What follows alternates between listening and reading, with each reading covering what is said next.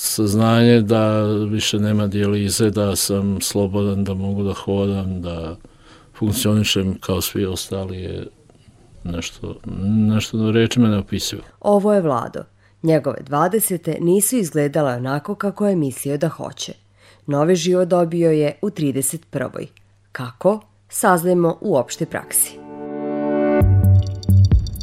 Počelo je u aprilu pre 15 godina. Vlado je danima bio iscrpljen. I javio sam se u Njegoševoj ulici u hitnu službu i njima se učinilo kao nešto bezazleno, kao, pošto sam dugo radio, imao sam jako ovaj, veliko radno vreme, kao, možeš da ideš na prvi maj. I Vlado je otišao na Iriški venac. Međutim, čim ga je društvo ugledalo, primetili su da je drugačiji.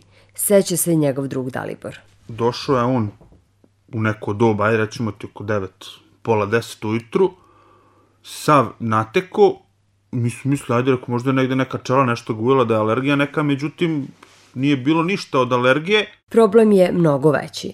Mada prijatelji ni ne slute o čemu je reč, nagovaraju vladu da ode sa proslave ponovo kod lekara. I odatle sam otišao na infektivno odelenje u kliničkom centru. Odakle su me oni ovaj, s konstataciju da je, što se njih tiče sve u redu, poslali u institut za kardiovaskularne bolesti u Kamenici. Vlado nije bio slučaj ni za kardiologe. No, međutim, videli su da sam otekao, uradili su krvne analize i jednostavno videli su da, da je tu jako velika pomenjetnja što se tiče nalaza i ekspresno su me poslali u klinički centar na nefrologiju i gde mi je konstatovano prestanak funkcije bubrega. Bubrezi su otkazali trajno. Mokraća, koja se pre bolesti izlučivala iz organizma, sada se nagomilava u krvi. Svi otrovi i višak vode su tu.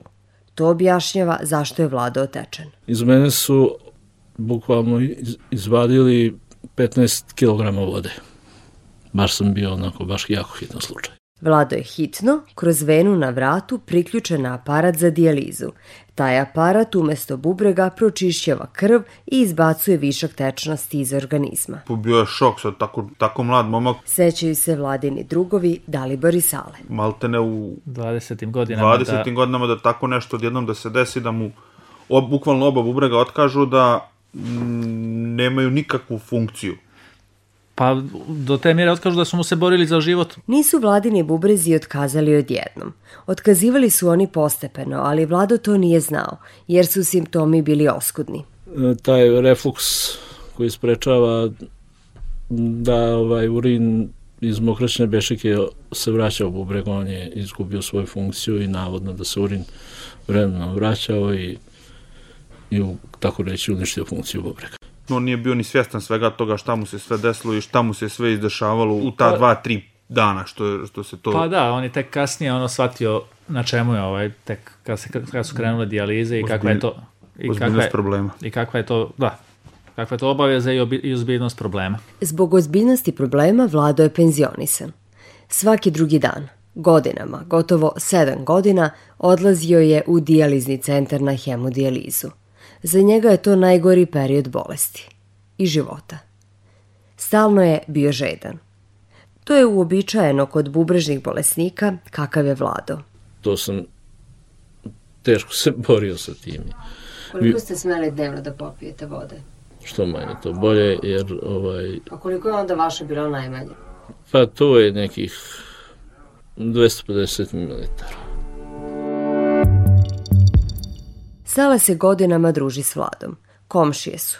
Žive u istoj ulici. Sala se seća vremena dok je Vlado odlazio na hemodijalizu. Sanitetom ili ako je bio bolje, sam autobus. To vreme dijalize, to je baš ovaj psihofizički iscrpljujuće, pošto vidio sam ga ono i kad treba da ide i kad dolazi sa dijalize, otprilike kad, treba, kad se vraća sa dijalize, toliko iscrpne bude da jedva pogodi kapiju, ono, kompletna krv, kompletne te tečnosti u organizmu se prođu kroz mašinu i naprosto ovaj, ne možeš funkcionisati kako treba. Vladi treba zdrav bubreg. Njegovi roditelji bili su spremni da pomognu. Obavili su testiranje. Rezultati su pokazali da on i mama imaju različite krvne grupe. Mama nije mogla da mu da bubreg. Otac jeste, ali otac jedini je bio zaposlen u porodici. Bukvalno smo zavisili od njegovog zaposlenja. Međutim, u dogovoru sa lekarima u kliničkom centru, donijeli smo odluku da on bude kao, kako da se izrazim, kao neko rezervno rešenje. Rezervno rešenje jedinom preostalom, presađivanju bubrega od preminule osobe. Vlado je na listi za transplantaciju. Sa nestrpljenjem čeka poziv. Nakon pet godina hemodijalize, telefon je konačno zazvonio. Pitali su ga gde je i da li može da dođe u klinički centar Vojvodine. Vlado nije mogao da se izbori sa osjećanjima. I sam sebi nisam mogao da prepoznam. Jedna velika euforija, hiperaktivnost, gde, gde sam čak popio nekoliko tableta za smirenje da bi mogli da urade osnovne neke analize. Takozvani cross-matching, to jest uspoređivanje parametara mojih i od donora, da bi se tu našla ta kompatibilnost. Na testiranje su pozvani i drugi bolesnici. Najkompatibilniji sa donorom dobit će bubreg. Ja sam bio gotovo ubeđen da ja prolazim jer sam bio najmlađi u tom momentu na hemodilizu, međutim na kraju se ispostavilo da je najstariji koji je bio tada prošao, tako reći. Vlado se razočarao. Taj poziv doživeo je kao priliku da se vrati normalnom životu. Nastavio je sa hemodijalizom. Čeka sledeći poziv i sledeću priliku. Sve je tome podredio. Zbog eventualnih poziva za transplantaciju, gde sam morao momentalno da budem spreman i, i mobilan i spreman da bih stigao na mesto gde me pozovu, tako da nisam duže od jednog dana ovaj, putovao. To znači šest godina Vlado je bio spreman pored telefona. Bukvalno tako. Ovaj, obraćao sam pažnju na svaki poziv, na, pogotovo noću kasno. Ovaj put pozvala je ekipa za transplantaciju sa VMA. Na spisku je njih sedam, a bubrega samo dva. Imao sam prehrudno iskustvo i bio sam smiren, opušten, kao da idem na kafu sa prijateljem. Vladi se sreća osmehnula. Bubreg mu je presađen 3. februara 2012. godine. To je njegov drugi rođendan. Pa većina doživljavaju tako. Kaže dr. Milorad Radojević, nefrolog na VMA. Promijeni se život. Ipak nije isto svaki drugi dan ići na dijalizu, razmišljati o tome kako se ubostiti, ipak to i boli, ipak je to igla koja se, dvije igle koje se budu u fistulu.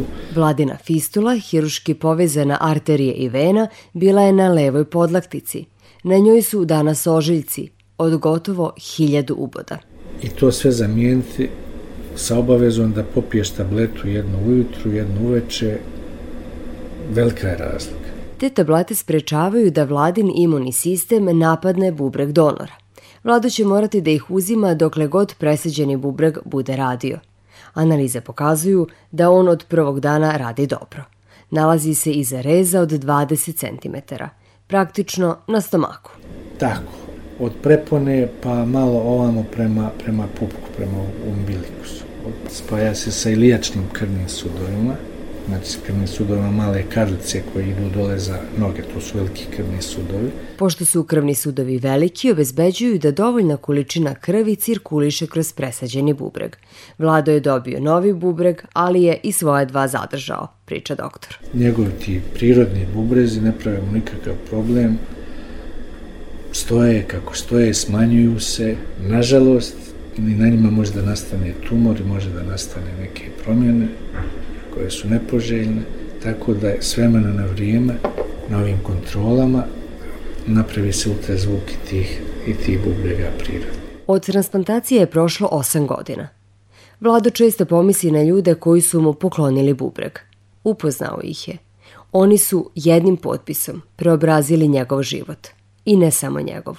Njihov motiv je bio da kad već njihov najmiliji član porodice ne može da nastavi život da na nekome bar spasu. Plemenit motiv, upravo tako. Upravo pravo ste plemenit motiv, da.